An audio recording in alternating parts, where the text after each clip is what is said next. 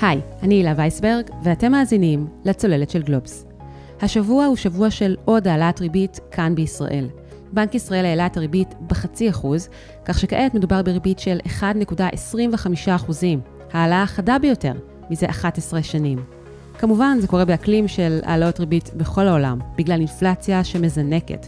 באירופה ובארצות הברית היא מתקרבת ל-10%, ואצלנו היא מתקרבת ל-5% בשנה. פחות בהשוואה למדינות אחרות, ועדיין זה נתון גבוה, וכולנו מרגישים את ההשלכות בכיס. ובהתאם ראינו בחודשים האחרונים גם ירידות חדות בבורסות ברחבי העולם. וזה בדיוק הזמן לדבר שוב על שאלה שהעלינו כאן בצוללת לפני כמה פרקים. כשהשווקים סוערים, מה לעשות עם הכסף? בפרק ההוא העלינו דרך מחשבה אחת בנושא שאמרה, יכול להיות שלא צריך לעשות יותר מדי, כי לטווח ארוך, שווקים שיורדים, בסוף גם עולים. היום נציג בפניכם נקודת מבט אחרת, דרך שיחה עם כתבת הצרכנות הפיננסית של גלובס, אתי אפללו. היי אתי. שלום, שלום. ממש לא מזמן, בפרק 199 של הצוללת, כשהשווקים קורסים, מה לעשות עם הכסף, דיברתי על הנושא הזה עם דוקטור דיוויד דיסטניק מאוניברסיטת תל אביב, וגם עם חזי שטרנליכט, כתב ופרשן שוק ההון כאן בגלובס. דוקטור דיסטניק מחזיק בגדול בתפיסת עולם שאומרת, כן משבר, לא משבר, אם אתם משקיעים לטווח ארוך, אל תיגעו בכסף. מה שיורד בסוף גם עולה. הוא מציין למשל מחקר שמצא שבטווח של 30-40 שנה, האנשים שעשו את התשואה הכי טובה הם אנשים שנפטרו, והקרובים שלהם לא ידעו בכלל שהיה להם תיק השקעות, ולכן לא נגעו בו. ואתי, אני יודעת שיש כמה דברים שחשוב לך לומר על תפיסת העולם הזו. כן, אני חושבת שזה נהיה מאוד מאוד פופולרי לבוא ולהגיד, כן, אל תעשו כלום, שבו, מה שירד, יעלה. ראיינתי אפילו את חתן פרס נובל, פרופ' דניאל כהנמן שאמר את זה. מי אנחנו שנתווכח עם אה, חתן פרס נובל? אנחנו לחלוטין לא מתווכחים עם אף אה, אחד, אבל אני חושבת שזה פשטני מדי. אהמ. ואני חושבת שבניגוד לאיזושהי תנודתיות בשוק, אפילו uh, משברים uh, יותר רציניים כמו הירידות בתקופת הקורונה, שאז הטענה הזאת או העמדה הזאת נראתה לי יותר הגיונית, הפעם אני חושבת שצריך לקחת אותה עם uh, הרבה כוכביות. אוקיי, okay, בואי נדבר על הכוכביות האלה. מה שקורה עכשיו זה לא איזושהי ירידה בשווקים מאיזשהו טריגר אה, של בהלה, במרכאות. מה שקורה עכשיו זה שיש לנו שינוי מהותי, בסיסי, בתנאים שעל פיהם מתנהלת הכלכלה. יש לנו אינפלציה שמרימה ראש, משהו שלא ראינו כבר כמעט uh, עשור וחצי. הרבה מאוד מהאנשים שמשקיעים בכלל לא יודעים מה זה אינפלציה, לא חיו בתקופה של אינפלציה. שכחנו שיש דבר כזה בכלל. יכול מאוד להיות שהם גם לא התאימו את תיק ההשקעות שלהם לאינפלציה. ובנוסף, אנחנו רואים את הריבית מתחילה לעלות, גם בישראל, גם בעולם. אנחנו מתחילים uh, להיפרד ממה שנקרא עידן הכסף הזול. עידן הכסף הזול עיצב בצורה מאוד מאוד מאוד רצינית גם את תיק ההשקעות שלנו, וגם את כל ההתייחסות הכלכלית שלנו בעשור וחצי uh, האחרון, וזה משתנה. ושזה משתנה, לבוא ולהגיד, שבו, אל תעשו כלום, זה יעלה, זה ירד, אוקיי, אבל אם התיק שלכם מראש לא היה בנוי בצורה ששקללה את הגורמים האלו, אז uh, כן, צריך לפקוח עליו עין. עכשיו, אני מבינה שהאמירה הזאת היא באה יותר מכיוון של לא צריך לעשות דברים בפאניקה, ולא צריך לחשוב שאם יש יומיים של ירידות, אז uh, הנה הכל מתמוטט. לא רק זה, אלא שגם קשה לתזמן את השוק. לתזמן את השוק לא צריך לנסות אף פעם, אבל צריך להיות ערים לזה שתנאים מאוד מאוד בסיסיים משתנים, ואם התנאים האלה משתנים, אז צריך לעשות. אז בואי נפרוט את זה למעשה. זאת אומרת, מה זה אומר להתאים תיק השקעות ולהתאים חסכונות לעידן של אינפלציה עולה וריבית עולה? בוא ניקח, אה, את יודעת, דוגמאות פשוטות. למשל, בשנים האחרונות היינו רגילים למשברים בצורת V. השווקים ירדו בחודש אחד, ואז הם עלו בחודש אחריו. השווקים ירדו ב-2008 וזינקו ב-2009. ושכחנו שיכול מאוד להיות גם משברים uh, טיפה יותר ארוכים, ומשברים שההתאוששות מהם לוקחת יותר זמן. עכשיו, אחד הפקטורים שהשפיעו על ההתאוששות המהירה ממשברים בשווקים הפיננסיים בעשור האחרון, היה הכסף הזול. הכסף זול, אין אלטרנטיבות uh, בשוק הסולידי, ובסופו של דבר הוא זורם לשוק ההון, ובעיקר למניות, בשביל להשיג תשואה. אבל ככל שהריבית עולה ועוד תעלה, ויפתחו יותר אלטרנטיבות השקעה אחרות באפיקים הסולידיים, הכסף יהיה פחות זול, וכשהכסף יהיה פחות זול, יש אפשרות רצינית שההתאוששות תהיה יותר איטית ממה שאנחנו מכירים. עכשיו, מה זה אומר? זה אומר שעכשיו אני צריך אה, לזרוק הכל ולהיות היסטרי? לא. אבל אם אני משקיע לשלוש, ארבע שנים, ושמדברים אה, על השקעה לטווח ארוך, אני אומר, בטח, הטווח שלי ארוך, זה ארבע שנים, ועד אז זה בטח יעלה וירד. צריך לקחת בחשבון שיכול להיות שתוך ארבע שנים ההפסד לא יעלה. מה אני עושה בתרחיש כזה? האם יש לי אה, איזושהי תוכנית חלופית? האם אני אוכל להשאיר את הכסף לזמן יותר ארוך? אז בעצם, אתי, את uh, מסכימה אולי במידת מה עם uh, דוקטור דיוויד דיסטניק, במובן הזה שוואלה, אם אתה אדם uh, עשיר ומבוסס, ויש לך כסף שאתה באמת יכול לשים אותו לעשרות שנים קדימה, אתה לא זקוק לו, אז כן, אתה יכול פשוט לתת לו לעבוד, אבל לרובנו יש כספים שאולי נזדקק להם uh, בעוד כמה שנים, אנחנו אפילו לא יודעים. ונניח שהכספים הללו מושקעים במניות, למשל, אז מה צריך לעשות? בואי נדבר בכלל על ניהול השקעות של כספים שצריך וכספים שלא צריך. אוקיי, מי שיש לו כספים שלא צריך, אהלן וסהלן. זה כספים שאתה יכול להרשות לעצמך להפסיד אותם, ואם אתה תפסיד אותם ב-100%, אז uh, לא יקרה לך דבר, ולא תיפגע בדבר, ואיכות חייך לא תשתנה. כלומר, זה איזשהו בונוס או אקסטרה. זה מהיסוד ניהול אחר. של כספים מאשר כספים שאתה צריך לטווח זמן כזה או אחר, אוקיי? עכשיו, אני רוצה בכלל לחזור אבל טיפה אחורה, לפני שאנחנו מתחילים uh, לדבר על כן מניות, לא מניות או דברים כאלה. אני עדיין, כאילו, בתפיסה הבסיסית, אנחנו מדברים עכשיו על שינויים מאוד משמעותיים בשוק. בוא, תסתכל אם התיק שלך מתאים לתקופה של אינפלציה. אולי לתקופה של אינפלציה ההשקעות שלך הן לא טובות. בוא, אנחנו מדברים על זה שהולך להיות מיתון. אולי אתה, התיק שלך בנוי מכל מיני השקעות שיחטפו יותר בזמן מיתון. לבוא ולהגיד, בוא לא נעשה כלום, זה מאוד מאוד פשטני. אז דבר אחד שאני אומרת, אם אתה משקיע לאיזשהו טווח של כמה שנים קדימה, צריך לקחת בחשבון שיכול להיות תרחיש שההתאוששות לא תהיה כל כך מהירה וצריך להתכונן לזה. אתה צריך לראות אם התיק שלך מתאים לעולם החדש, הישן שנוצר, של אינפלציה. אם אתה לא רוצה לנהל הכל ב-100% סיכון, אלא עושה פיזור יותר רחב, כמו שרובנו עושים, צריך לשים לב אם פתאום לא נפתחו איזה שהם מכשירים או אפיקים יותר מעניינים מבחינת יחס סיכון-סיכוי בטווח הסולידי, חצי סולידי. כן? כי עד עכשיו לא היו אפיקים כאלה, אז הכל הלך מאוד מאוד uh, בצורה קיצונית למניות בשביל להשיג תשואה, אבל אוקיי, פתאום יש דברים יותר מעניינים בשוק. יש פתאום אג"חים שנותנים תשואה uh, נחמדה. כמה שהריבית תעלה יותר, אנחנו נראה חזרה של כל מיני מכשירים.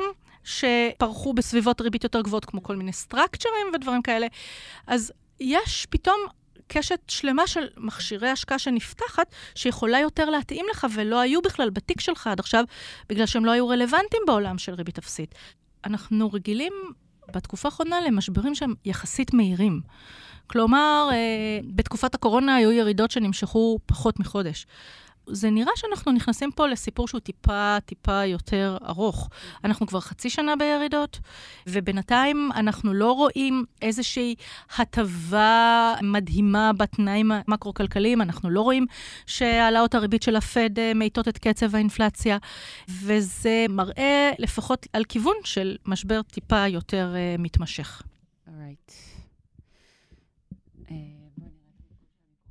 אוקיי, אז מה זה אומר תכלס? איך מתאימים תיק השקעות, תקופה שבה האינפלציה והריבית נמצאות בעלייה? עד עכשיו בעצם ראינו שוק עולה, עולה, עולה, תקופה מאוד ארוכה, עליות כמעט חוצות מגזרים. נכון, אה, מניות הטכנולוגיה בשנה של הקורונה אה, עלו יותר, אבל בגדול היה מצב של באמת כמעט כל מטאטי יורה.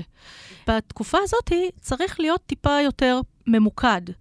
גם בתקופה של אינפלציה, יש סקטורים שירוויחו מזה שתהיה אינפלציה. אז מן הסתם, הם הסקטורים העדיפים להשקעה. למשל, בנקים מרוויחים כשיש אינפלציה. בנקים מרוויחים מריבית עולה.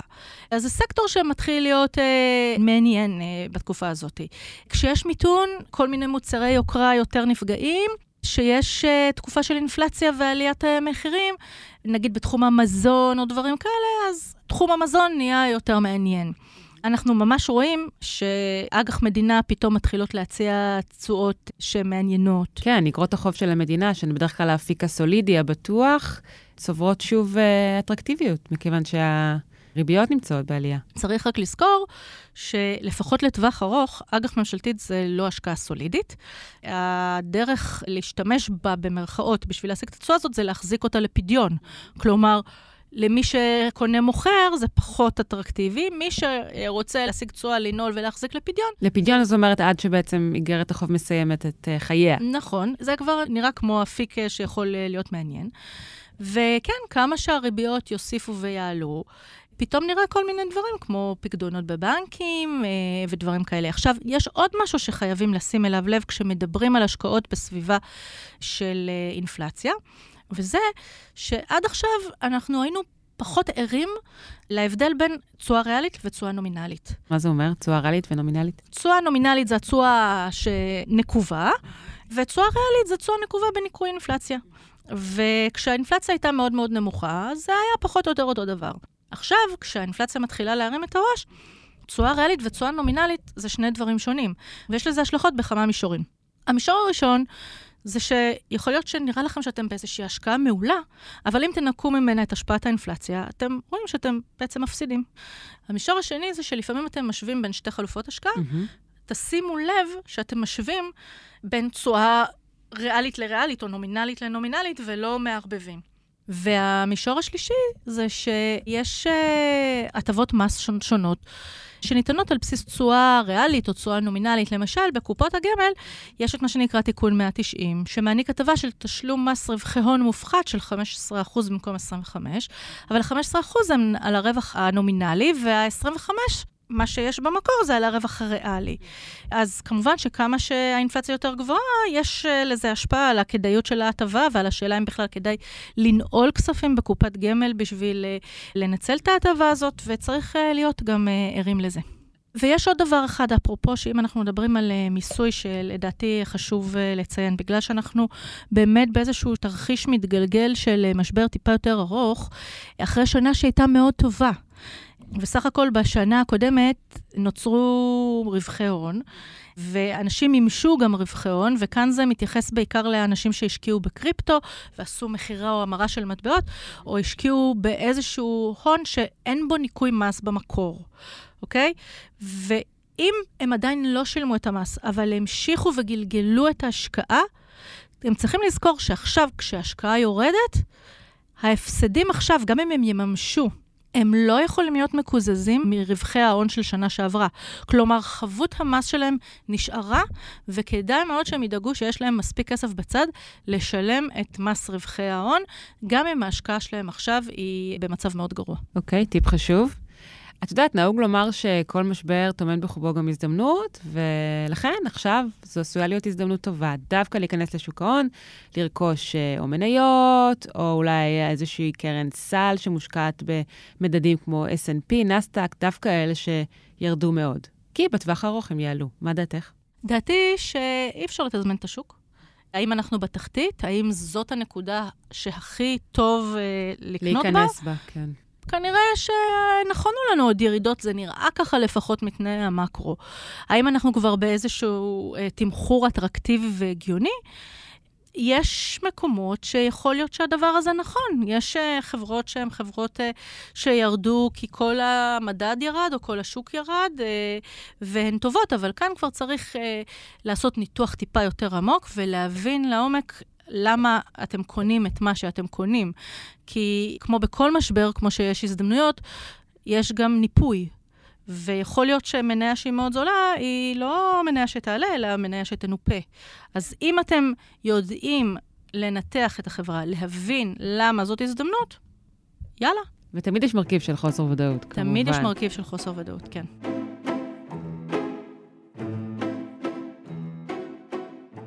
טוב, אז רציתי שנדבר, אתי, גם אה, עוד יותר תכלס, על היום-יום של כולנו מבחינה פיננסית. הלוואות למשל. מה צריך לדעת על הלוואות בתקופה של אה, ריבית עולה? ראיתי למשל פרסומת בימים האחרונים של אחת מחברות כרטיסי האשראי, שמדברת על הלוואה בריבית קבועה, פיקס, כזו שלא עולה עם עליית הריבית במשק. מה דעתך? ומה צריך לדעת בכלל? כלל האצבע זה שכמה שאתם לוקחים יותר סיכון על עצמכם, כך הצעת הריבית בנקודת ההתחלה כנראה תהיה יותר זולה. כלומר, אם יש לכם אפשרות לקחת ריבית צמודה או ריבית שהיא קבועה ולא תשתנה אף פעם, ואתם יודעים מה יהיה ההחזר שלכם, ההצעה השנייה בנקודת האפס תהיה יותר יקרה.